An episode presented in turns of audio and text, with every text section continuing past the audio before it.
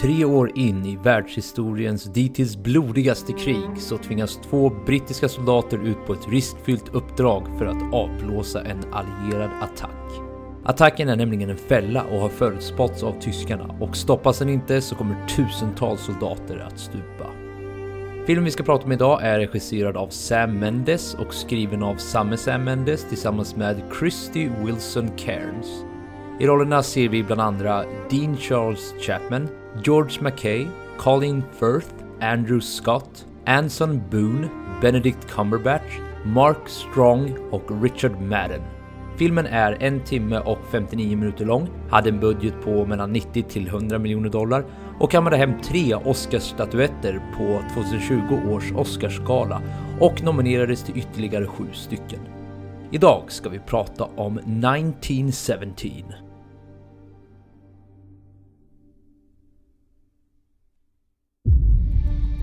As far back as I can remember, I always wanted to be a gangster. The first rule of Fight Club is you do not talk about Fight Club. Did you eat all this acid? That's right. Music! What is real? How do you define real? Du är en leksak! More people than you think, and more people each day. This is a world getting progressively worse. Can we not agree on that? Det finns bara ett ord för sådana som du. Och det är ondska. English, motherfucker! Do you speak it? I am the danger. Get away from her, you bitch! Are you not entertained? Are you not entertained? Why so serious? Hallå allihopa och välkomna till ett nytt avsnitt av Spoiler alert med mig Joel Keskitalo och eh, Supreme Commander of the Allied Western Front. Benjamin Gabrielsson, eller ska jag säga Benjamin Gabrielsson när du presenterar mig sådär kanske? Yes, it's him. Och det här är avsnitt eh, 44 och eh, nu är vi tillbaka till att podda om filmer igen. Ja. Det har varit ett långt uppehåll, eller hur? Ja, det känns långt, men det är ju för att vi kör varannan vecka också. Men du tänker på Oscarsavsnittet där, eller? Ja, precis. Jag tänker att vi gjorde en liten mini-divergence där och körde våra predictions för vilka vi, ja, vilka vi trodde skulle vinna i respektive eh, kategorier. Så är ni intresserade över att se hur mycket vi failade, slash hur många vi träffade rätt, för Ganska vi träffade en hel del rätt rätt ändå, också. Ja, det fick vi ändå, så det, jag tycker vi ska Ja. klappa oss själva på axeln för det. Det tycker jag. Men är ni intresserade av det så var det förra veckans avsnitt i alla fall, avsnitt 43. Och nu är vi tillbaka som vanligt med ja, vanliga filmpoddar liksom, varannan onsdag som vanligt. Så är det ju. Och just idag så handlar det ju också en av, om en av de nominerade filmerna som var nominerade till, Exakt. vadå, tio kategorier eller något tror jag den här filmen. Ja, det var ju något sånt där. Bland annat då årets film. Det stod ju... Bästa film, ja, som det heter. Ja, exakt. Exakt, bästa film. Så eh, ja, den här har verkligen, som ni redan har hört i introt också, så var den ju nominerad till massor och den vann en hel del också. Så ja, det här är en, eh, ja, det är en riktig höjdare vi, vi kickar igång det här med. Mm, kul. Men eh, jag valde ju den här, så eh, hur och varför är väl att, eh, ja, det blir ju åter relaterat till hela Oscars-snackisen. Ja. Men ja, den här var ju hypad långt innan jag ens, alltså vi visste ju inte att den skulle bli Oscars-nominerad, ja, förrän väldigt tätt inpå. Och eh, så fort jag såg, eh, alltså trailern för den här, eh, så blev jag ju superpepp. För du vet ju hur mycket jag har, och du till viss del också, vi har ju liksom halvdelat det intresset, men hur mycket vi har så jag har lyssnat på historiepoddar om just första världskriget, specifikt Dan Carlin som jag pratat en del om. Mm. Framförallt du, ska vi understryka. Ja, jag skulle komma till det. Jag har ju verkligen, jag läser ju historia, eh, para, eller på, vad heter det, jag pluggar det också. Mm. Så, så fort jag såg den här så blev jag ju superhype såklart, för hur ska de kunna liksom eh, fixa den här häftiga konflikten? Så, det var därför jag valde den, för eh, ja, vi måste ju bara prata om den. Men gemensamt med Oscar så blev det ju då också att, ja, självklart så ska vi snacka om den här. Ja. Så ja, på den vägen är det. Det blir perfekt. Vad Eh, tänkte du du, börja spontant med... då? Ja, men börja du. Jag Okej. rantade på ett tag där, så vad Ja, tycker men du jag spontant? börjar. Ja, men jag, jag kan väl enkelt kort säga att jag gillade den extremt mycket. Jag hade ju ganska höga förväntningar innan. Jag försöker inte ha höga förväntningar, men ibland är det oundvikligt. Och jag hade höga förväntningar, men kom ändå ut liksom helt så här upprymd utifrån biosalongen och kände verkligen att det var en sådär riktigt härlig jävla bioupplevelse Ja. som, jag, som jag hade hoppats på också. Så det var, det var fantastiskt. Eh, Jag måste bara eh, fråga dig, vad heter det, hur, eh, hur såg du den här filmen? Såg du den i IMAX eller? Nej, det blev tyvärr inte så, för att det, Ah, okej. det var för, för krångligt att ta mig dit. Det var liksom, du vet, så här, nyinflyttad i Stockholm, stressigt om Ja. dagarna. Jag skulle se så många filmer just den veckan, för det var liksom samma vecka Ja, innan. Oscarsgalan och bla bla bla, fan vad det nu var. Så att nej, Ja. det blev en vanlig biosalong helt enkelt. En vanlig unken Ja, biosalong. fy fan vad fruktansvärt.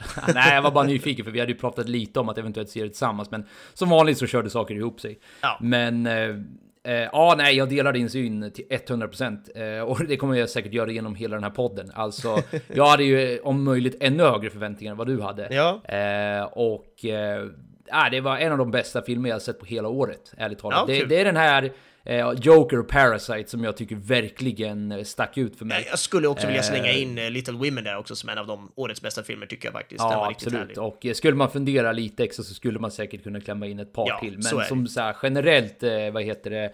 Så ja, absolut. De fyra och eh, well deserved ärligt talat att den blir nominerad till eh, årets eh, eh, Best Picture, alltså Mm. årets film.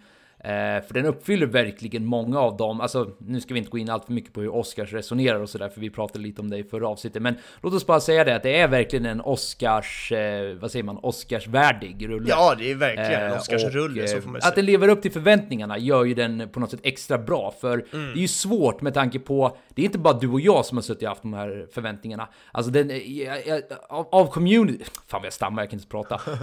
av communityt jag liksom följer online så här på Twitter och på olika YouTubers jag följer, så den här var ju liksom allmänt superhypad. Ja. Eh, och jag har blivit så besviken på sistone av Dels har jag hypat upp mig själv till saker, men dels har saker hypats upp. Och så har jag blivit totalt besviken. Eh, väldigt mycket på sistone. Mm. Så jag är fett glad att vi har en film som, nu som verkligen är hypad och som faktiskt levererar. Ja, men kul. Jag håller helt med om, det faktiskt, verkligen. Men ska vi dyka in på själva filmen då helt enkelt? Ja, börjar du. Var, var, vart, vilken Ja, ände ska vi börja? Det är ju kortfattat just nu i alla fall så kan jag säga att den tekniska biten är såklart bärande för den här upplevelsen och det ska vi ju djupdyka in i såklart. Ja. Men det finns även andra saker som jag tycker gör den här filmen riktigt jävla bra och Ja. en av de sakerna som jag gillade var att det inte var det här storslagna som det ofta är i såna här eh, ja, men krigsfilmer och första och andra världskriget och så vidare, utan det var inga stora arméer eller gigantiska slag. Nej. Det var inga karaktärspresentationer på dels de två vi följer, men inte heller de här olika soldaterna som det skulle kunna varit med i deras kompani eller liknande. Du vet att det alltid är så, ah, där är the bad guy, där är den snubben och där är liksom den exakt. lilla snälla och du vet, inget sånt där.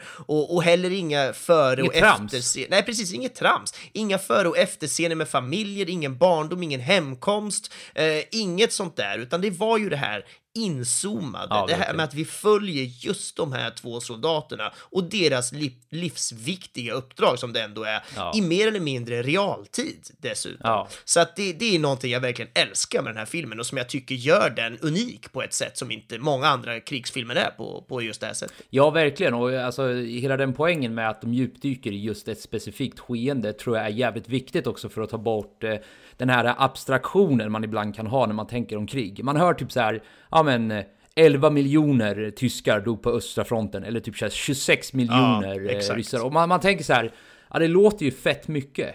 Men alltså det landar inte riktigt. Eh, det, alltså, man inser inte riktigt när... Det är ju Stalin själv som, eller han sägs ha sagt att “One death is a tragedy, a million is a statistic”. Ja. Och det säger en hel del faktiskt om hur vi resonerar kring så här höga dödsnummer.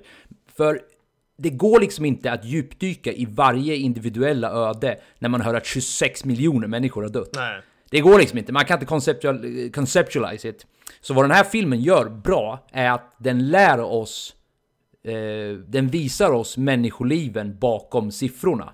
Eh, för som du säger, nu har vi inte de här storslagna, du vet, det här slaget leder till de eh, liksom, händelserna och det blir en snöbollseffekt lite senare och de här, du vet, så här, stora pjäserna flyttar på så nu är vi i Berlin helt plötsligt, utan Ja. bakom alla de här efforten till att komma från punkt A till punkt B eller C eller D eller E, ja, du fattar. Så är det ju just de här små individuella livsödena eh, som man som sagt inte tänker på, för det blir för abstrakt att tänka att hundratusentals människor dör till exempel. Ja. Så jag håller helt med dig. Alltså den här filmen eh, gör ju det här unika att den... Ja men som du säger, det är inte många andra filmer som överhuvudtaget har zoomat in till den här graden. Alltså det, ibland närmar vi oss det. Band of Brothers är ett jävligt bra exempel på det. Men till och med där är det mycket så här fast forward, de har rört sig hit, de har kommit fram dit och det blir, ja, det blir som en bredare berättelse liksom. Ja. Så bara för att återigen, för det här är säkert olika sätt jag- som jag upprepar mig på nu, men bara för att betona igen att det här sättet att zooma in det på tror jag är, ja men som sagt nödvändigt för att verkligen se hur, hur fruktansvärt det är. Ja, verkligen. Och någonting som jag tycker funkar så bra i den här filmen och så, som jag antar är tack vare att det är just första världskriget som det porträtteras här, det är väl just att, att du har inte kommunikation på det här sättet som man har i, i vardagliga livet idag eller till exempel i andra världskriget då man kunde med walkie-talkie Mm. eller någon olika maskiner, någon slags jävla telefonförbindelse hade man väl för att prata på olika sätt. Medan här var det så här, okej, de måste få ett meddelande ett par kilometer eller mil bort nu om att de inte ska göra den där attacken.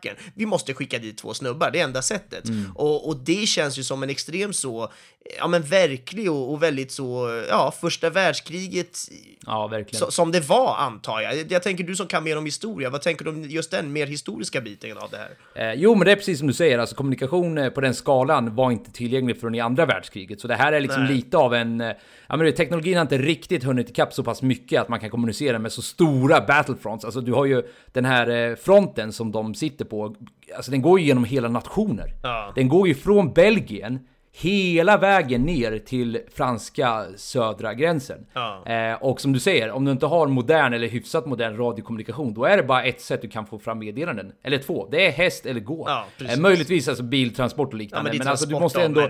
Du, exakt, det är transport. Du kan inte ringa in ett samtal så att du får respons Nej. 10 sekunder senare. Utan som du säger, det är precis så där man måste gå tillväga. Ja, otroligt. Eh, Okej, jag skulle vilja zooma ut lite och bara gå lite snabbt tillbaka till eh, men delvis de, det jag nämnde angående mina förväntningar på den här filmen och eh, Mm. I och med att jag som sagt, alltså jag är absolut inte så här superhistoriker, alltså så här, typ, Historieguden eh, men jag är varken historiker, historielärare, ingenting av det. Jag har liksom en extremt basic knowledge. Jag läser historia A. Jag menar det säger liksom, det, det är på, en, på den nivån så ni får liksom bear with me here, jag är ingen expert. Men i och med att jag har pluggat det här så pass mycket nu så blev ju mina förväntningar skyhöga som jag sa tidigare. Och det jag framförallt var intresserad av var hur bra lyckas den här filmen avbilda hela den här konflikten? Eh, hur, hur trogen är den liksom? Och eh, samma sak där, jag har ju liksom inte varit på marken heller, så jag, jag har ju liksom ingen first hand account, utan det jag går på är ju det jag läst och det du och jag har hört, eh, vad heter det, diskuteras om eh, första världskriget. Ja. Eh, vi har ju som sagt lyssnat på Hardcore History, han går ju väldigt djupt in på just den västra och Ja, östra fronten. Dan Carlin. Dan Carlin, ja, Hardcore History. Så det är ett par grejer som jag skulle vilja lyfta där jag tycker att, eh, ja men där jag tycker de lyckas allra bäst med att, eh, för, alltså spoiler alert, jag tycker de gör det sjukt bra. Och eh, vi börjar med skyttegravarna. Ja. Skyttegravarna är också ett sånt där koncept som var lite abstrakt i mitt huvud. Alltså jag förstår att första världskriget är till stor del liksom eh, så kännetecknas det av alla skyttegravar.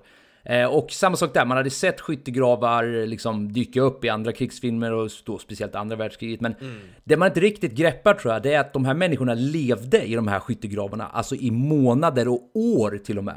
Eh, och eh, det började liksom med att bara, alla var så oförberedda på det här kriget så det var ingen som trodde att det skulle behövas, du vet, någon form av skyttegravar. Utan kriget började ju med att man sprang mot varandra Ja. tills man insåg att eh, det går inte att ruscha hur många man än är om motståndarlaget som försvarar har moderna kulsprutare.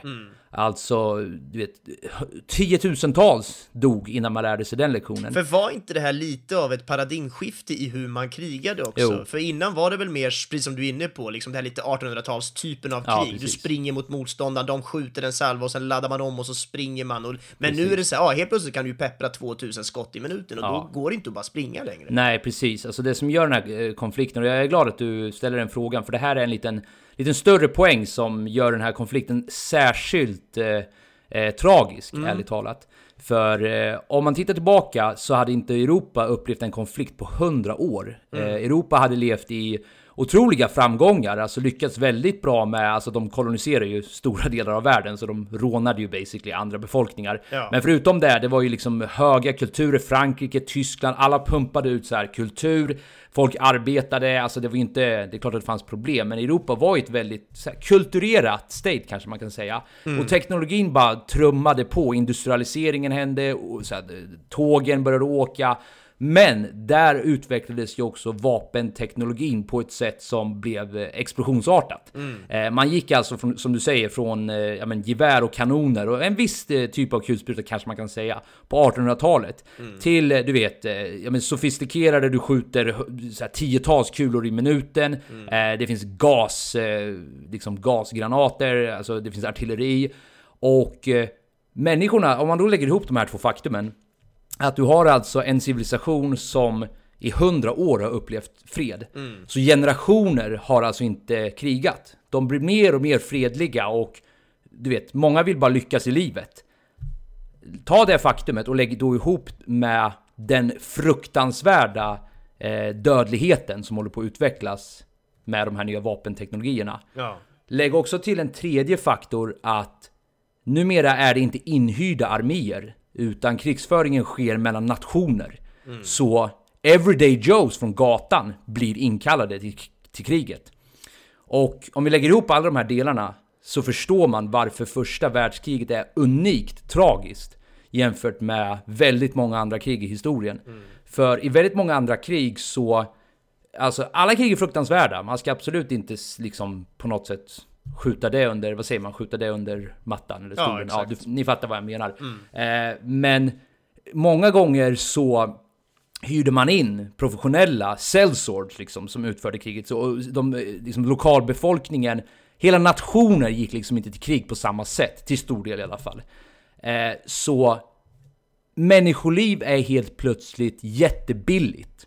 Vilket alltså innebär att du kan slänga hundratusentals till mot de här kulsprutorna. Så länge det liksom för dig närmare seger. Ja. Och som sagt, det här är bara unga kids. Alltså det här är kids som kommer in med idéer om vad krig är och de kan, du vet, man ruschar fram mot fienden och man vinner glorious battles. Men redan efter första striden så spräcks ju den där bubblan. Och eh, de inser att alltså, det här är ju helvetet. Ja. Och för att då liksom dra det här tillbaks till filmen. Det här är vad jag tycker filmen lyckas allra bäst med. Den lyckas förmedla det här att det här var kids som gick in eh, med, med tron och vetskapen att du vet, vi kämpar för någonting värt att kämpa och du vet, the glory of the nation och du vet, jättefina ideal som de har fått eh, propagerat hemifrån. Till att bara möta den bistra, kalla verkligheten och filmen visar ju då resultatet av det. Alla är cyniska, folk är deppiga, du vet, polare har dött, de är, så här, det finns inget hopp om att vi kommer vinna. Du vet, the fucking Jerry, de dödar till och med kossorna. Allt det här tycker jag summeras upp så jäkla bra i den här filmen. Och eh, utan att gå in för mycket på eh, själva punkterna, för jag är medveten om hur långt eh, jag har pratat om det här. Men soldaterna, deras jargonger, dialogerna, hur de diskuterar det de är med, det de är med om. Eh, De historiska referenserna. Allting finns här liksom som får mig att känna att ja, jag är fan i mig med i, eh, i skyttegravarna i första världskriget. Så ja, eh, det, det är en liten historierant där. Underbart, den tackar vi så hemskt mycket för. Det är alltid kul att höra något som är så här intressant också. Då får du prata hur länge du vill Johan. Ja, vad snäll du är. Ja men verkligen, jag kan inte annat än att och, och, och liksom med, med storögda öron, som jag nu hittar på ett nytt uttryck, så kan jag inte annat än att sitta här och vara helt eh, förtjust. Det är jätteintressant och frågan är ju hur lyckas de så jävla bra med det här i filmen? Och det kanske är lite av det här vi pratar om, det här inzoomade, att vi Mm. får ju känslan av att vara en del av de här två soldaterna på plats. Vi Ja, får ju känslan av att vi ska följa dem och deras väg framåt och vad de nu måste ta sig förbi för olika jävla eh, obstacles på vägen. Och det Mm. blir ju så otroligt intressant då när, när, när det är det ena efter det andra som, som, som händer dem, som känns ganska oväntat också. Mm. Jag gillade att det var ganska så här, ja men lite oväntade vändningar har jag skrivit här. Ja. Det kanske inte var vändningar per se, men liksom oväntade saker som ändå hände och det var väl allt från du vet de här flygplanen som kom in, Mm. det kom ju bilar som först hjälpte den ena snubben och sen så körde de fast, ja då Ja. var det bara att gå och fortsätta själv och du vet eh, helt plötsligt så slocknar han och, och det blir liksom filmens enda så här tidshopp eh, Mm. där, där det liksom blir natt igen och det, det händer så mycket konstiga saker, han stöter på den här kvinnan med barnet, mjölken där som han helt plötsligt får en mening med och, Ja, och liksom fienderna som han hela tiden måste övervinna och, och till slut måste han dessutom hålla på och försöka övervinna till och med hans, hans liksom allierade för Mm. att de inte riktigt tror på honom heller eller så här, vem fan är du och vem kommer du? Och det var så jävla mycket såna här olika Mm. oväntade hinder på vägen som var tvungna att lösas som, som gör, tror jag, att man får den här väldigt så här, ja men känslan av att shit vad det här är galet Ja. och vad det här är oförutsett vad, vad krig, speciellt krig kanske första världskriget då, Mm. eh, var och har med att göra på något sätt. Och det har de ju som du är inne på lyckats otroligt jävla bra med. Ja, det jag gillar med de där olika vändningarna som du pratar om, eh, det är att eh, till stor del så, alltså det, det hade ju kunnat varit en film om hur de bara spenderar hela filmen i skyttegraven. Ja. För mycket tid var ju spenderat med, men du ser ju som sagt hur, hur liksom förstörda soldaterna är. De, är ju, de har inte sovit på flera dygn och de, är ju, de, har mist deras bästa vänner och allt det där. Men det jag gillar med de här vändningarna som du pratar om, det är att varje sån här liten, eh, låt oss kalla det vändning nu, ni förstår vad vi menar. Ja. När, när liksom storyn gör en liksom brytning eller hopp eller vad man ska säga. Eh, ja, men som är planet till exempel. Då belyser de ju en annan del av första världskriget som man annars hade missat om man bara låg i eh, skyttegravarna. Ja. Eh, så när de här vändningarna kommer att man får se ett plan, ja då får man helt plötsligt liksom, då vaggas man in i att just det, det krigas ju i luften också. Det är liksom inte bara vi som springer runt här. Och när man kommer till ett mer stadsområde, då får man ju också känslan av att ja just det, jävlar, det är klart att städerna också påverkas av det här. Och när man dessutom får träffa, alltså hon eh, civila med barnet representerar för mig egentligen den civila liksom generellt. Ja. Eh, alltså hon, hon, hon står på något sätt som en, du vet, titta här hur mycket det vanliga folket lider.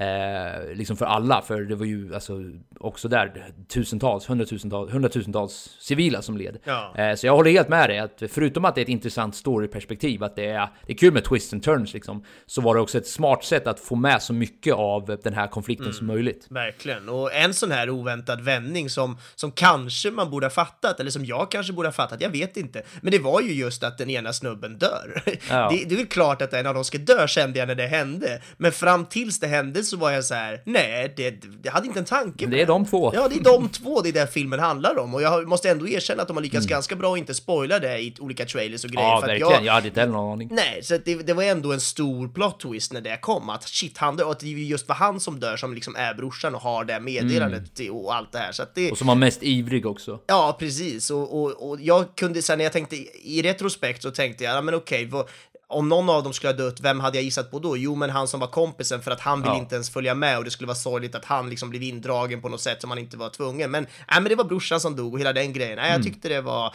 sjukt nice, såklart jättetråkigt och så vidare, Ja. men du vet, nice för filmen och storyn att, att, att det hände, för det kändes oväntat och galet och det bara bidrog ju till hela liksom så här shit, spänning och vad som helst kan hända och Ja. ja. ja, väldigt, väldigt nice. Ja, det är också en jäkligt fascinerande liksom, eh, karaktärsutveckling som äger rum efter det. För Ja. jag, jag tycker man ser hur hans vän då, som överlever, blir mer determined att få det här uppdraget gjort. Ja? Eh, för det känns, nu nu är det liksom personligt på något sätt. Ja. Eh, och han, han gråter inte, han bryter inte ihop, utan man ser hans sammanbitna min hela Mm. tiden. Han är verkligen Eh, vad heter det? Ja, men han är lojal och han tänker det, det var min... Ja, det är bara en fin eh, liten rush han får där efter att sin bästa vän dör. Ja. Och det är så jävla underbart när hans karaktärsutveckling då når sin apex när, när han faktiskt träffar brorsan. Och när han åtminstone halvvägs lyckas eh, avblåsa attacken. Det fanns en del inom mig som ville att han skulle misslyckas. Alltså som sagt, inte, inte så för att jag vill se människor dö. Ja, men för filmens- alltså för ja, exakt. storymässigt. Mm. Exakt, att eh, man skulle kunna trycka ännu mer på hur mörkt det är. Men Ja. jag tyckte inte att det i slutändan, jag tyckte att det var bra som det var. För det här var liksom hans... eh,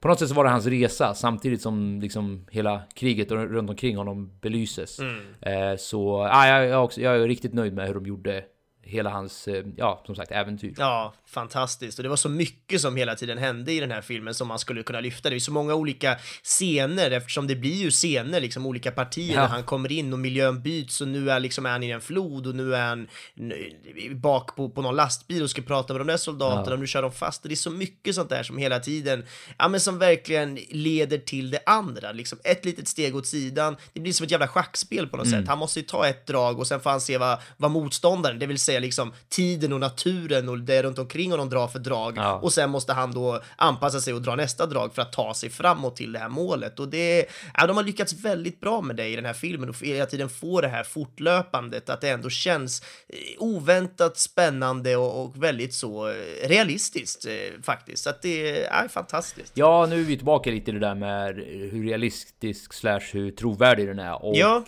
Jag tror att vi kommer gå djupare in på det när vi pratar om eh, kamerarbetet. För jag känner att Mm. det är ju en väldigt, eh, som du nämnde i, i öppningen där, att det är ju en väldigt eh, central del som gör att det verkligen känns som att man är med dem där. Vi har ju liksom Ja. i tidigare poddar pratat om hur mycket vi gillar one takes och det här är ju liksom godis för de som gillar one takes. Ja, det får man. Eh, men vi som sagt, vi, vi, vi kommer komma in på det mer på det tekniska.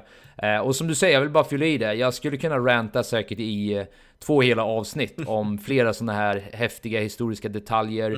Eh, alltså bara det faktum att ja, men de nämner alla de här striderna är i sig intressant och vad det är, vad det är hela uppdraget kretsar kring är också väldigt fascinerande. Att tyskarna faktiskt gör, alltså det är baserat på en riktig strategi. Att tyskarna liksom backar Eh, och så backar de och så backar de och när de har backat, det vill säga det utrymmet de först hade, så har de lagt booby traps överallt som man får se i filmen. De har ju dödat kossor, de har liksom förstört.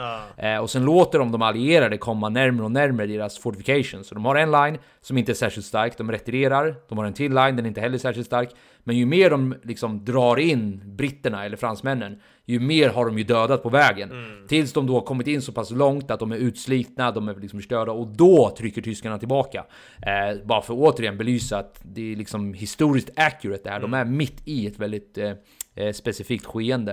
Eh, men förutom det så tycker jag vi rör oss mot det tekniska för vi vill inte fastna här allt för länge. Ni får helt enkelt se filmen på Ja, det utgår jag för, i och för sig från att ni har gjort, men ja, se den igen om inte annat. Ja, eller hur? Eller har du något mer om själva filmen? Nej, men inte direkt. Vi skulle absolut kunna glida över till det tekniska. Ja, men då tycker jag vi gör det. Vad, ja men take it away alltså. Vad tycker vi om kamerarbetet? Ja, men alltså herregud, det finns ju... Här skulle jag också kunna prata i två avsnitt känns det som, om, Ja. om det tekniska istället. Men jag ska försöka hålla mig kortfattad, eh, så gott som det går i alla fall. Men vi kan väl börja med att den är ju filmad digitalt med en Arri Alexa Mini LF, eh, som är en helt ny kameramodell från Arri faktiskt, där de har tagit den här liksom lilla kompakta kameramodellen från Minin och slängt in en storformatssensor eh, så att den bland annat då kan filma i 4K, vilket gör att den här kameran är helt optimal för att filma en sån här film där det är så viktigt att ha ja, men en liten och smidig kamera eftersom det är så konstiga och avancerade kamerarörelser hela tiden så är det ju ja, nästan avgörande att ha en sån här kamera som är liten, smidig men samtidigt har en, en liksom superprestanda så den kan leverera eh, toppenkvalitet helt enkelt. Så att det,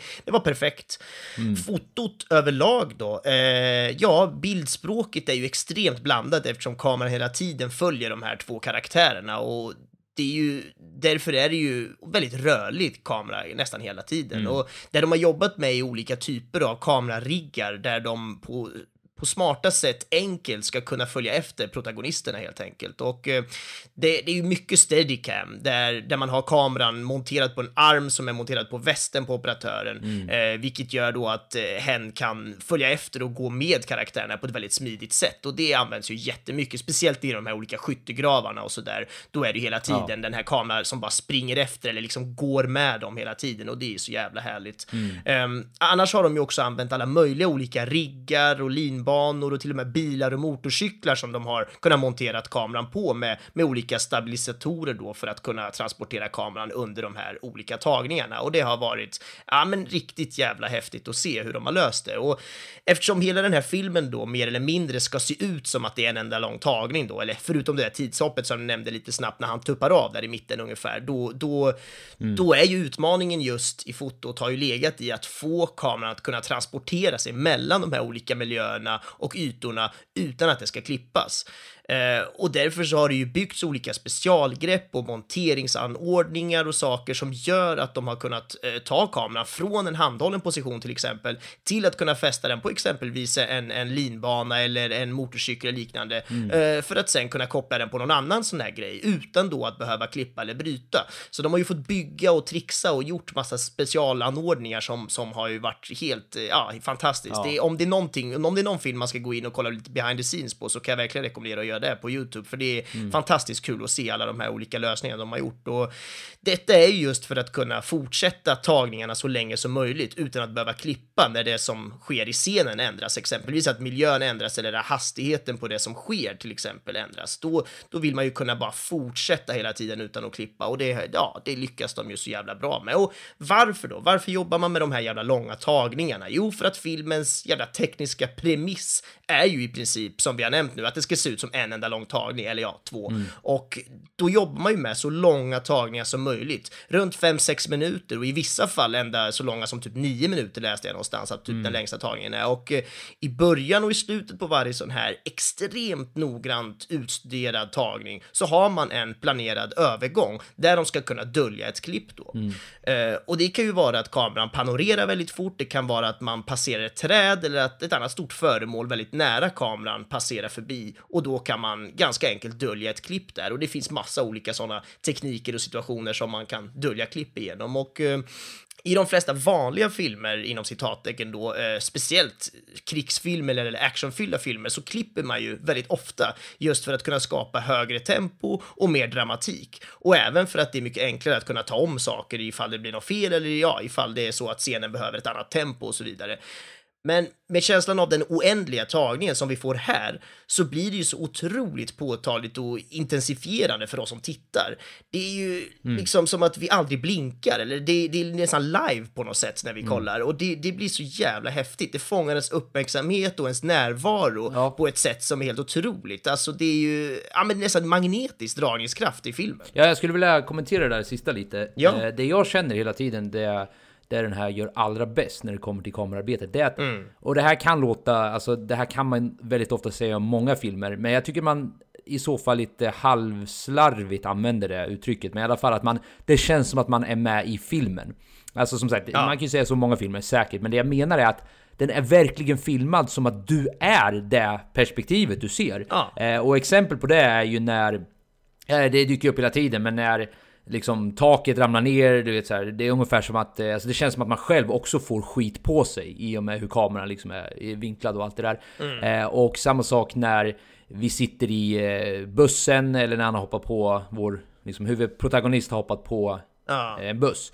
Eh, då sitter man ju i hörnet i den gruppen. Det är ju filmat så att man, man Ja, eh, liksom precis. s- Man snett sitter ner också till där vänster. på bänken, typ. Precis, man sitter också där på bänken. Så jag, jag, jag känner verkligen att jag är den, eh, vad heter det, jag är med honom. Alltså hela tiden. Jag må inte kunna prata och han må inte se mig. Men jag är verkligen med honom hela tiden. Så det, det är, jag vill bara förstärka den poängen att Ja, det, det är ett, verkligen ett, ett vä- väl eh, liksom, utfört arbete för att få en att känna att eh, man på riktigt är med där. Och liksom, jag skiter i om jag har sagt som andra filmer, det är, det är inte riktigt samma grej. Det här är verkligen som att du följer med dem genom hur kamerarbetet är arbetat. Ja, men just att det här med, med den långa tagningen som, som känns som att vi aldrig klipper, det gör ju att det, det, känns ju nästan som att vi inte blinkar när vi tittar. Det känns ju som att vi liksom håller andan, att vi bara är med konstant. Man är hela tiden spänd ja. hela tiden spänd och man är nästan det här, du vet, flugan på väggen scenariot, att vi Ja. bara är där och åker runt. Det är som att vi, ja, eller som att vi är en jävla soldat som går med dem, den Du, tredje. du, f- får jag bara inflika lite snabbt, hur häftigt vore inte det här med VR? Ja, alltså, alltså, för att försöka få... Herregud. Ja, det hade varit helt galet. Någon det slags kamera som filmar inom- i 360. Det finns ju Ja. typ redan idag sån teknik. Det är bara Ja, lite hur? att göra i långfilmsformat. Men det skulle ju tekniskt sett gå att genomföra. Och så får man sitta och titta runt sig hur fan man Exakt. vill. Jävlar vad häftigt. Ja, alltså jag tror inte att det är omöjligt. Alltså, Nej, nej, det är 10, 20, helt 30 år, who knows? Ja, men eh, jag tror att det är it's on the horizon. Ja, verkligen. Ja. Ja. men helt jävla fantastiskt. Och ja, varför jobbar inte fler på det här sättet då? Jo, men det är ju för att det är så förbannat otroligt jävla svårt att göra det. Alltså, allt är utstuderat och planerat in i minsta detalj. Replikerna måste ta exakt så lång tid som det tar för skådespelaren att gå den där sträckan, som dessutom måste vara uppmätt och uppbyggd med en sån kvalitet och sån precision att det inte kan finnas något utrymme för ett misstag. I vanliga fall så kan man ju filma åt ett håll och så kan vi ju fixa så att det som syns i bild där ser bra ut och så kan regissören, producenter och skriptan och ja, vem fan som helst från teamet kan ju stå där bakom kameran och vänta tills tagningen är slut och så kan man gå och fixa lite till eller du vet göra någonting och sådär. Men, Ja. men här går ju kameran konstant runt och filmar ju 360 grader i de flesta scenerna på alla möjliga håll och vinklar. Så allting måste ju vara perfekt, liksom flera hundra meter transporterar de sig ibland. Så det måste vara i princip helt otroligt vad allting Ja. måste vara planerat och Ja men det är storskaligt, alltså det är ju Det är det. Det är det. så jävla storskaligt där att de får så mycket att fungera. Det är så mycket människor, så mycket händelser, så mycket så dramatik, så så mycket miljöer. Att, eh, som du säger, allt det där måste klicka. Det är Ja. fan, ja, det är en jävla bedrift alltså. Ja, det är ju verkligen det. Och jag menar, vi, sist vi poddade om en sån här film, det var ju Birdman, när vi poddade om en film där de Ja, också exakt. jobbar med att dölja klipp och det ser ut som att det är en enda lång tagning. Och den är också helt otrolig när de jobbar med det på det här sättet. Men där då, till den här filmens slags eh, försvar, eller till, till, till, till Birdmans slags eh, motsatt försvar, vad fan heter det? Kritik då. Det är Mm. Ja. såklart ingen kritik, de har gjort det helt fantastiskt. Men det jag försöker säga är att de är ju inomhus i en teater nästan hela tiden. Ja, och har inte 400 meter trenches som ska byggas och någon kyrka som brinner och du vet någon by som sprängs och 400 statister som ska springa och skjuta samtidigt, utan det är en helt annat sätt att jobba på. Så det här, de har ju liksom inte gjort det lätt för sig när man väljer att göra en sån här typ av film på det här sättet. Det är helt jävla otroligt och det är ju som sagt planeringen som de har lagt ner här är ju helt makalöst och det är det som får allting att funka. Det är alltså uträknande av olika platser och avstånd som ska stämma och eh, ja, men så här, scenografin, alltså byggandet av de här miljöerna, kilometer efter kilometer av skyttegravar och ruiner och brinnande kyrkor och döda soldater och hästar och kor Ja. och allt fan vad det är och det, det är helt jävla otroligt helt enkelt. Och dessutom ska vi lägga till att de är ju utomhus hela tiden. Ja. Vad måste man tänka på då? Jo, vädret måste stämma. För att scenerna ska matcha och filmen inte ska kännas inkonsekvent så är de ju tvungna att ha mulet väder hela tiden. Eh, för annars skulle det helt plötsligt vara sol i en scen och inte sol i en annan scen. Det skulle bli jättekonstigt. Så ibland fick de ju sitta och vänta för att det var för mycket sol helt enkelt. fick man sitta och vänta flera timmar, ibland flera dagar för att de måste ha mulet eller i alla fall tillräckligt stora moln för att kunna skjuta en sån här film på, eller en sån här scen då på, på 5, 6, 7 minuter. Så att det är så jävla mycket att tänka på så det inte är sant. Ja, om ni vill ha ett exempel på mycket av det här med att få väldigt många saker att fungera samtidigt. Eh, så obviously, det sker ju liksom i filmen rakt igenom, men det är ju... Jag tänker speciellt på scenen mot slutet där när armén ska attackera och de ruschar Ja. ut från skyttegravarna. Eh, och eh, Fan, då ska, häftigt. ja, men notera först när han kommer till de skyttegravarna. Eh, när han tar sig från den här lilla kören som håller på att förbereda soldaterna för att, ja men säker död i princip. Eh, och eh, ja men från att han lämnar det sällskapet till att han tränger sig förbi eh, genom de här skyttegravarna till då att soldaterna springer upp. Alltså bara notera hela det, den efforten och bara konstatera hur mycket det är som sagt som måste fungera. Ja. Eh, och eh, ja, men eh, det är därför jag skrev, eh, jag skrev det i mina notes också. Den är storskalig den här filmen och den är storskalig både rent berättarmässigt, alltså just striden de har zoomat in på. Eh, men den är också storskalig i det tekniska efforten de har lagt ner för att få det här att funka. Och det är, det är fan häftigt att, det är väl därför den blir Oscars eh, Ja, eh, liksom värdig för att den får just eh, ja, den får en, både en storskalig story men också då uppbackat av ett otroligt storskaligt tekniskt arbete. Ja, verkligen. Och det är ju Roger Deakins som har plåtat den här filmen och står för hela liksom the cinematography, planerat allt det här helt enkelt Ja. med, med fotografiet och så. Och han är ju en, en Oscarsvinnare och Oscarsnominerad hur många gånger som helst, riktig legendar. Är det så? Har du några, har du några Ja, men hans exempel? första, han har ju varit nominerad typ såhär vadå, 20 gånger eller någonting och knappt vunnit. Ja. Men så vann han ju första gången för några år sedan när han, när han plåtade den här eh, Blade Runner 2049. Eh, Va, är det han som gjorde ja, det? Kommer du ihåg hur mycket du och jag gillar den? Precis, du kommer den, ihåg att vi den. älskade fotot och liksom hela Ja, de verkligen. miljöerna som de byggde upp där. Så att här, här har han ju då sin andra Oscar som han vinner då för den Mm. här filmen och det får man ju minst, säga, minst sagt säga är välförtjänt. Inte vi poddat om Blade Runner innan vi släppte avsnittet? Jo, jag tror det. Innan de släppte, så det ligger någonstans på någon dator, någon fil Ja, någonstans. exakt. den kan ligga kvar där tycker jag. Men, ja. Ja, det får ligga där ett par år till. Ja, men så det är helt otroligt. Och som du säger, det är egentligen någonting som jag tycker är ganska spännande med det här är ju att vi pratar om hur storskaligt det är och vi pratar om hur mycket det krävs och hur mycket liksom statister och hur mycket jobb och planering och hur ja, storskaligt och episkt allting är. Men egentligen när vi väl får liksom filmen framför oss så är det ju ändå just det inzoomade och just det där nästan småskaliga i brist på annat ord då, som får oss att älska den. Att vi ändå är Ja. inzoomade och att det ändå handlar om de här två soldaterna, eller en av dem för det mesta i den här filmen. Och, och jag tycker det är väldigt imponerande att det krävs, man kan arbeta med väldigt, väldigt stora medel och stora verktyg för att förmedla någonting som är ganska litet. Och det är det som gör att det där lilla blir så starkt och påtagligt. Och det är, är fantastiskt. Ja, precis. Bara för att förtydliga vad jag menar. Inte storskaligt som i att det är, som vi sa tidigare, stora strider, utan snarare storskaligt som att de som som du sa lyckas lyfta en sån här liten Ja. inzoomad del och ändå blir det så stort och dramatiskt och häftigt och explosivt och allt det där. Bara så att eh, jag inte framstår, så att det är något missförstånd så att säga.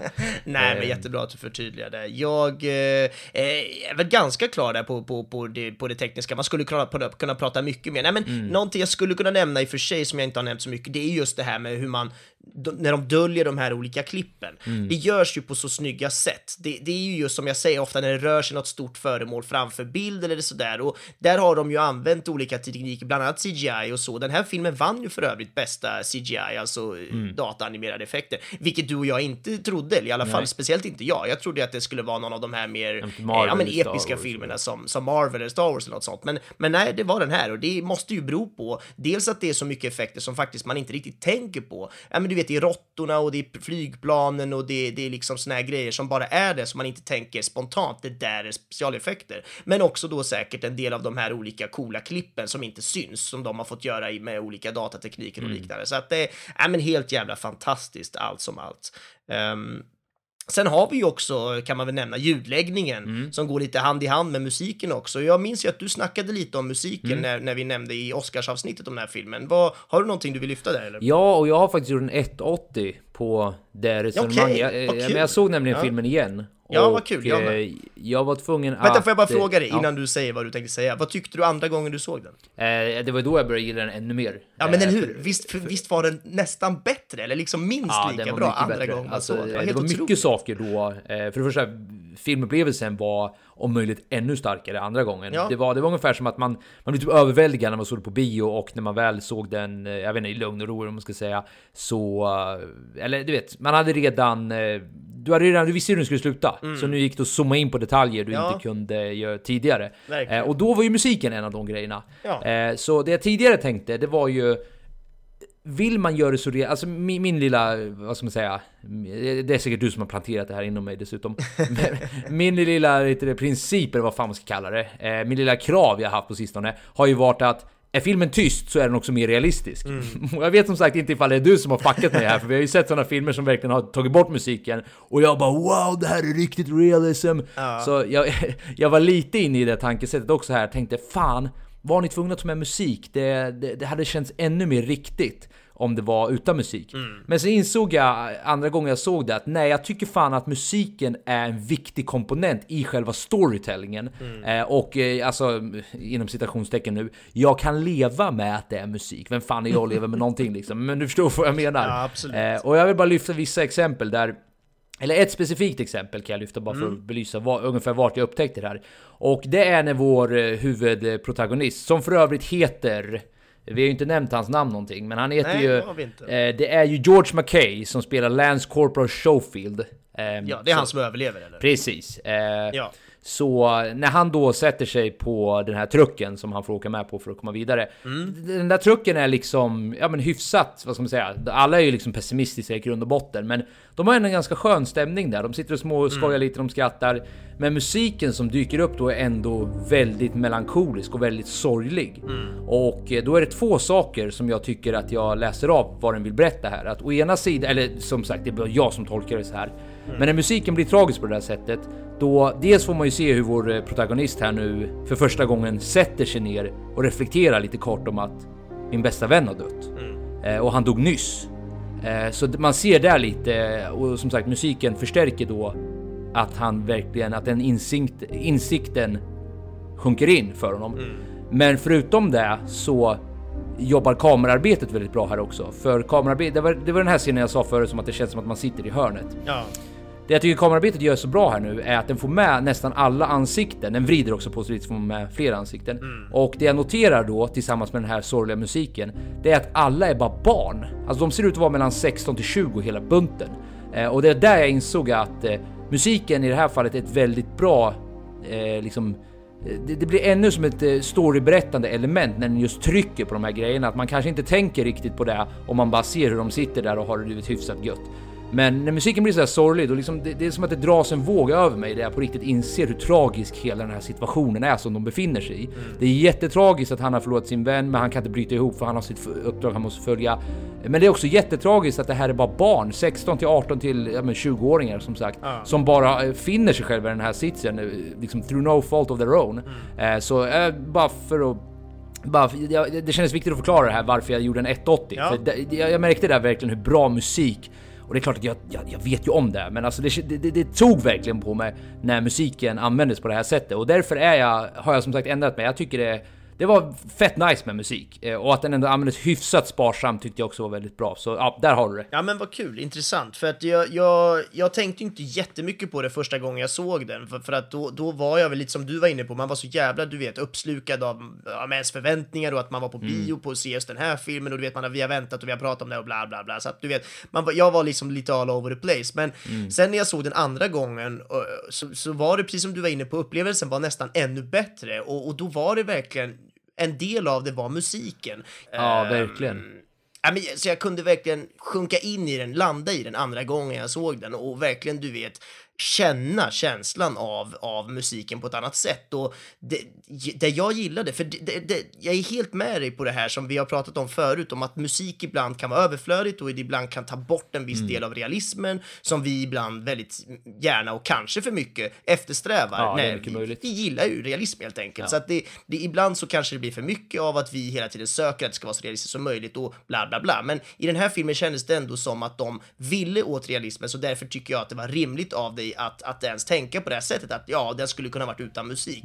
Men det jag tycker är ju också det här med att den, den är ju en egentligen ganska episk film och storslagen. Det är krig Ja. och det är liksom mycket som händer och där tycker jag att det kan funka med musik på ett annat sätt än om det hade varit liksom du vet en person hemma på landet eller någonting. Mm. Då hade det tystnad kunnat funkat ännu bättre än just här. Ja. Och det jag tycker de gör så himla bra är att de har en väldigt bra balans på den här musiken. Mm. Den är inte too much. Den är inte för bombastisk och du vet storslagen Nej. och du vet Och symfoniorkestrar. när den är där, då smäller det liksom i filmen. Ja men exakt, den, den är där och, och, och, och- och bidrar ganska försiktigt Mm. med det vi ska känna och på vissa ställen drar den på men den drar aldrig på sådär du vet såhär, ja men du vet såhär Sagan om ringen Nej, orkestrar precis. där man bara känner att nu ska vi döda orkerna och nu jävlar. Liksom, det är ingen sån musik utan den är, de har gjort en jävla balansgång där som jag tycker de levererar väldigt bra. Ja. Så att jag, jag har också landat i att jag verkligen tycker om hur, hur, ja, hur de har gjort det helt enkelt. Ja, eh, och eh, ja, som sagt, jag ville bara nämna det också för det, det var också en specifik scen som jag också verkligen tyckte musiken passade.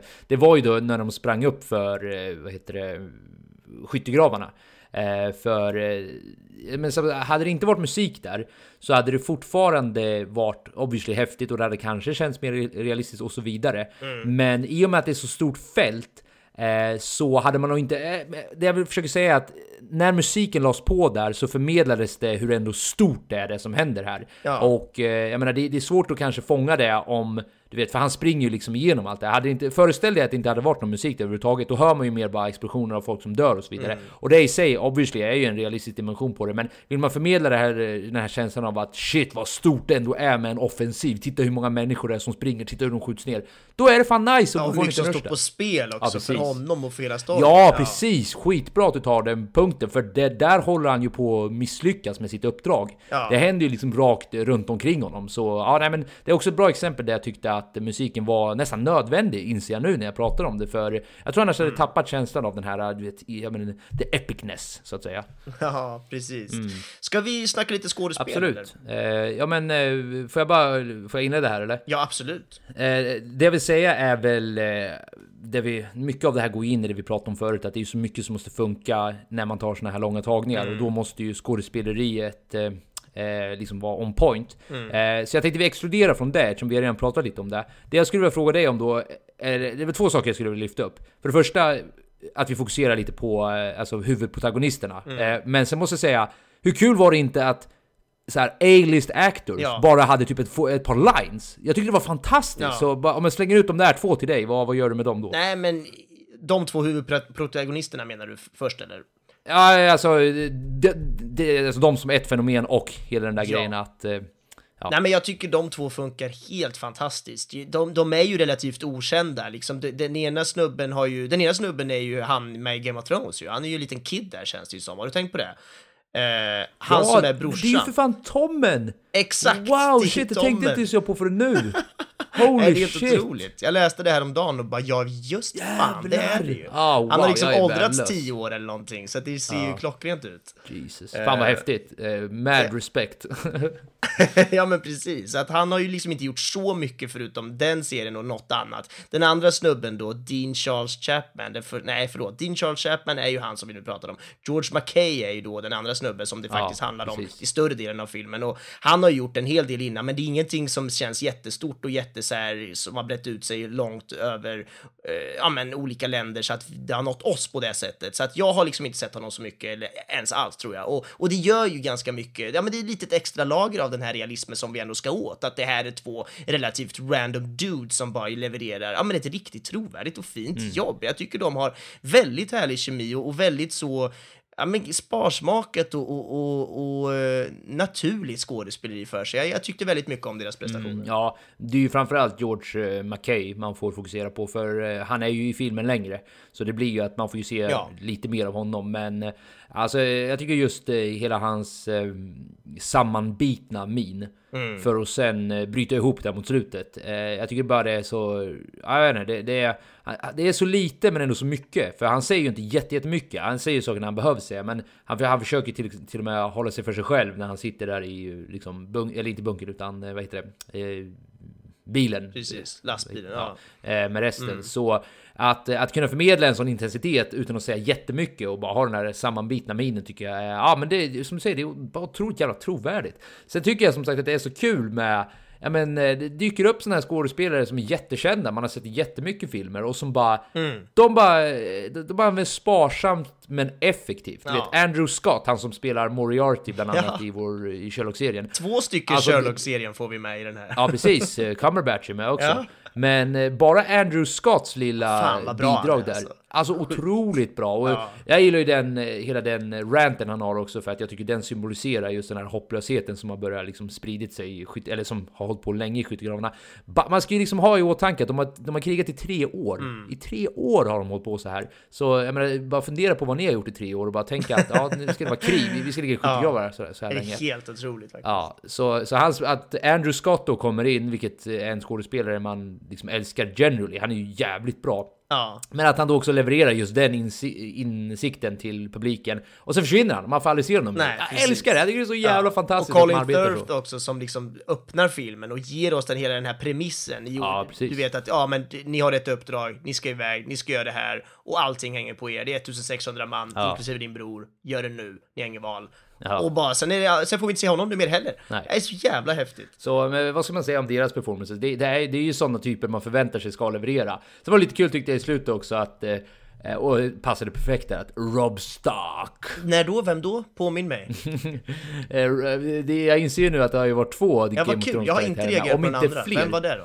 Nej men det är du vet brorsan. Ah, eh, brorsan som, kom överlever Det är ju. Rob Stark. Han är Rob Ja, Stark. precis. Jävlar vad jag inte tänkte Ja. på det heller. Otroligt. Vi kanske borde säga vad han heter. Det kanske vi borde. Det har jag noll koll Jag tror han heter Richard Madden. Wow. Men jag kanske borde kolla upp det. Jo, han heter Richard Madden. Jag Snyggt. har stenkoll uppenbarligen. Ja, men det är bra jobbat. Eh, nej, men det var lite kul där också. Jag sa till och med i biografen bara Rob Stark.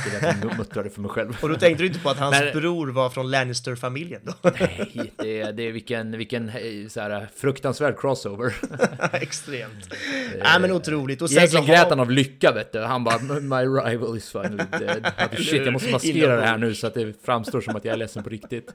Nej jag skojar bara. Den, den scenen var otrolig när han bröt ihop där och bara What's your name? Så sen bara ah, sorry. Han liksom var ju liksom över, överrumplad av sorg. Så ja, wow. Grymt. Ja, det var otroligt, verkligen. Och så, sen så har vi ju vår kära Cumberbatch som kommer in där och Ja. levererar sin lilla cameo nästan. Vad kan det vara? En minut kanske screen time eller någonting. Ja men typ. Det är otroligt. Jag tycker han gör det så jävla bra. Ja. Men han är ju, han är ju en liten favorit. Man älskar ju honom, eller jag gör det, jag tror du gör det också. Ja. Så att det, det hade varit svårt för honom att inte, inte leverera eller göra oss besvikna, hade varit svårt. Men nej, det är faktiskt, det är helt Mm. Alltså fantastiskt. jag, jag det ser generally fram emot att se Benedict Cumberbatch i någonting bra snart. Alltså nu som sagt, han är ju med här och han är riktigt Till bra. skillnad mot allt dåligt han har gjort. Nej, ja, så här.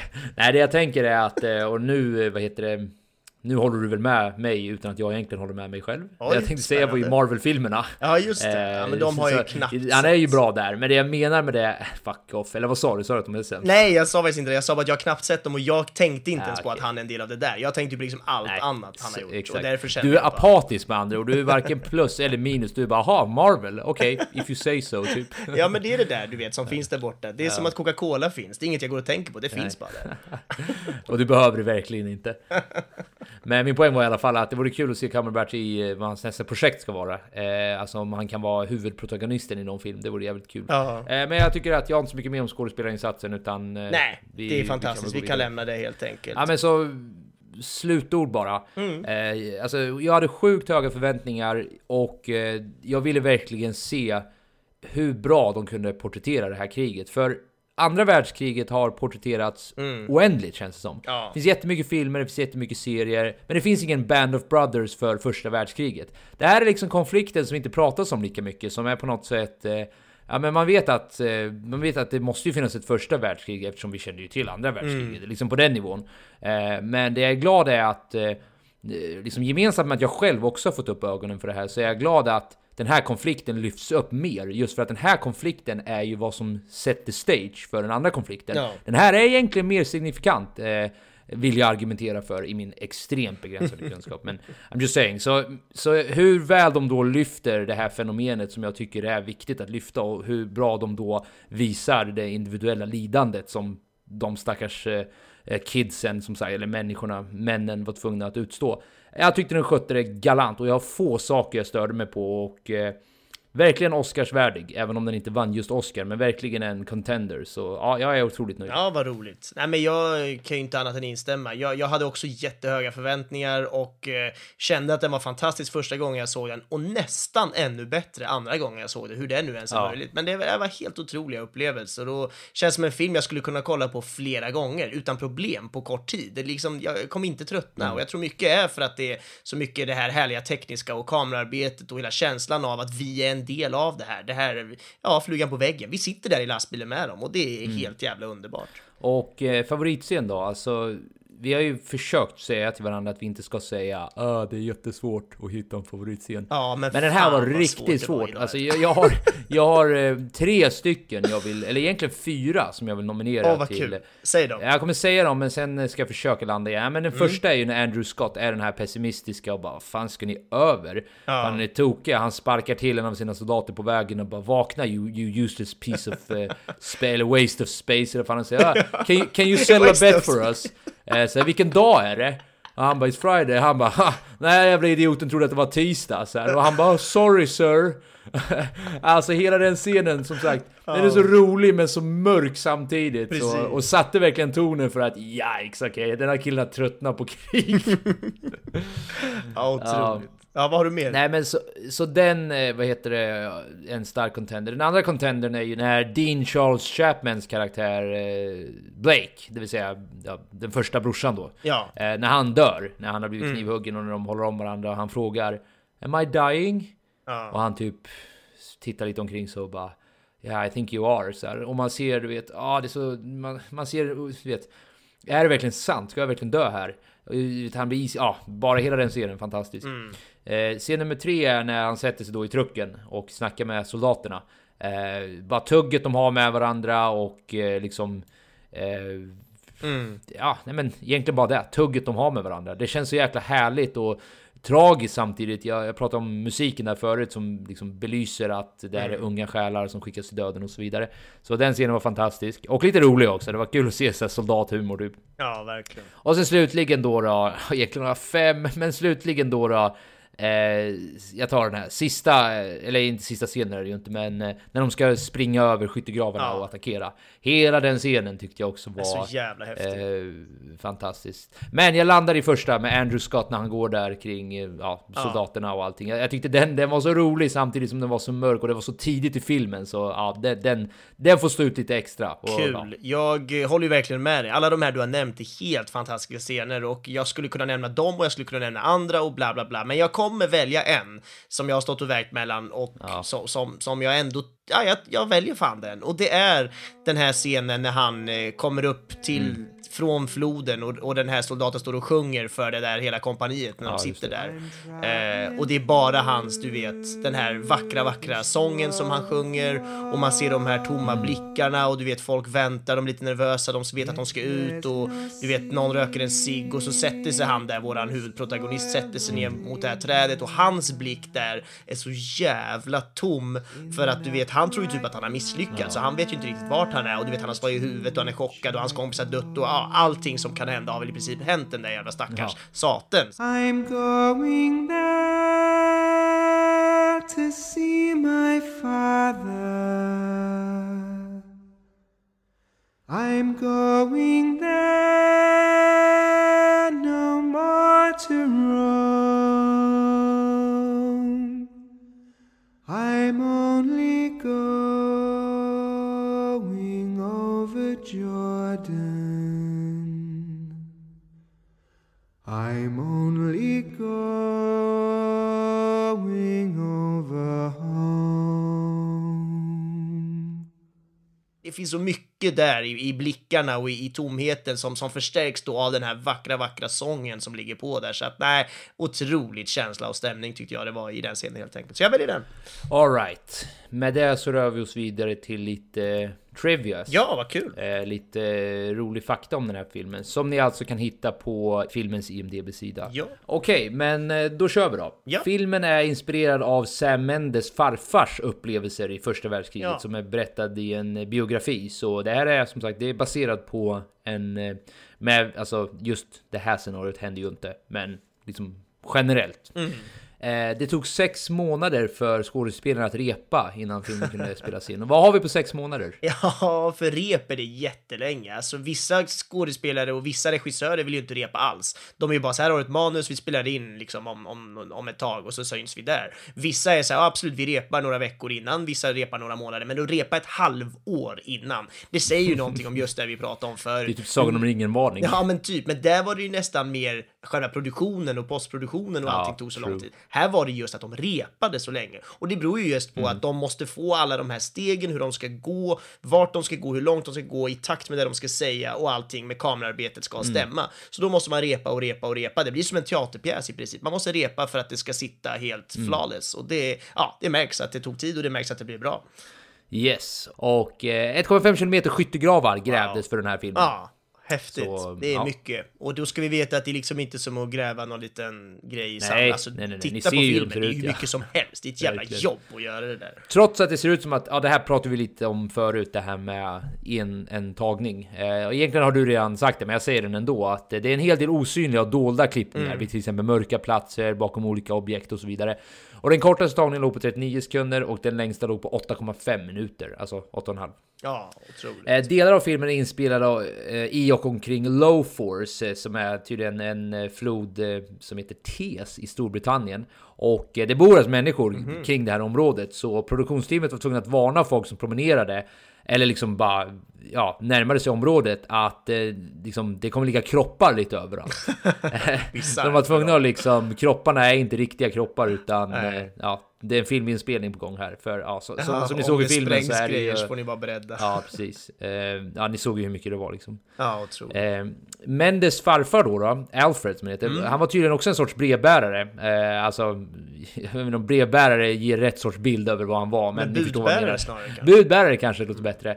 Eh, det var jag som översatte dåligt här, men eh, budbärare under första världskriget. Han gynnades Eh, Anledningen till varför han lyckades så bra var för att han var så jävla kort. Han var bara 162 centimeter. Ah, och anledningen var för att dimman som oftast eh, dök upp liksom runt skyttegravarna var oftast eh, 182 centimeter höga. Så han liksom kamouflerade sig till stor del i...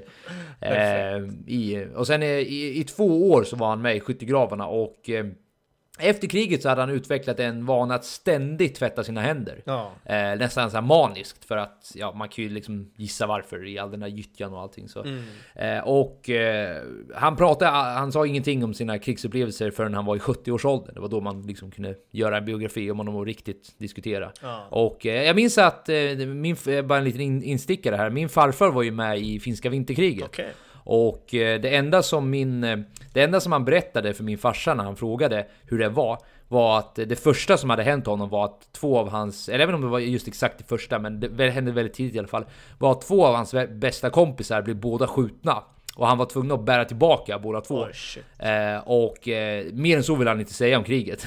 det var liksom ungefär som att han, han ville direkt... Eh, ja, och nu har ju min farfar dött. Eh, så tyvärr kan inte jag pressa honom och försöka få reda på lite mer info. Men min poäng är i alla fall att jag, jag tror att eh, man ska nog respektera det. Ja. Alltså, det är väldigt traumatiskt det de här typerna är med om. Liksom. Verkligen.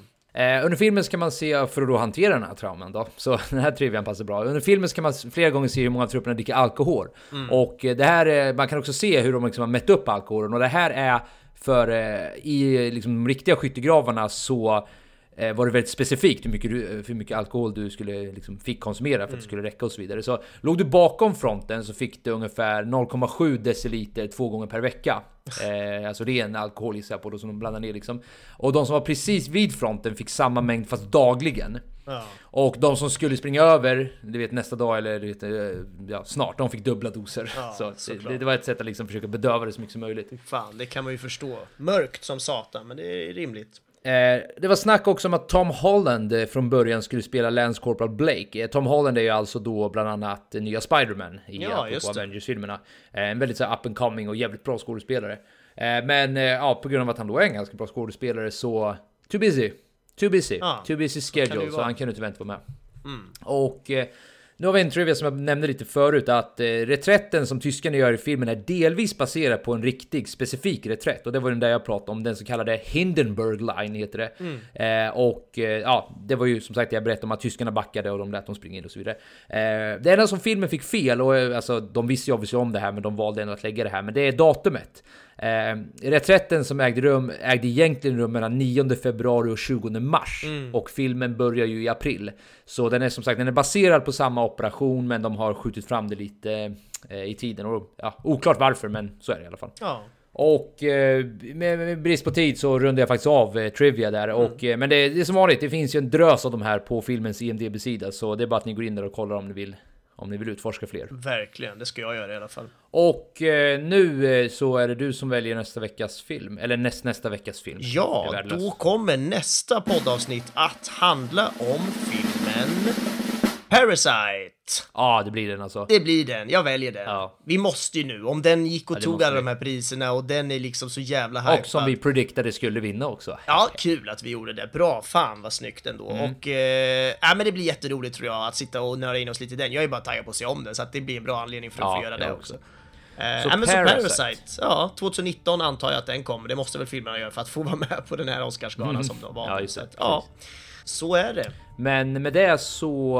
eh, Vi har ju en Facebook-sida. Ja, men det har vi. Och eh, vad har vi mer? Ja, men- Vi har en jävla iTunes. Ja, iTunes, vi har ju inte en iTunes, men podden finns till exempel på iTunes. Äger iTunes! Helt plötsligt har du köpt iTunes, helt otroligt. Jag äger iTunes. Ja, men vi har ju, poddarna finns ju, de går ju att hitta lite överallt nu i olika appar, överallt, så det är skönt. Men som du var inne på, Facebook är jättebra att följa oss där. Spoiler alert heter vi, där Ja. Mm. man ser vad vi lägger upp för olika kommande filmer och trailers och länkar helt enkelt. Har en clipboard som ikon ifall ni... Ja, precis, en filmklappa som det heter på svenska. Precis. Så är det, ja men kul! Då är vi väl klara för idag Joel, eller? Ja, det är vi. Eh, tack för att ni har lyssnat och eh, vi hörs om två veckor igen. Ha det gött! Ha det bra! Hej då!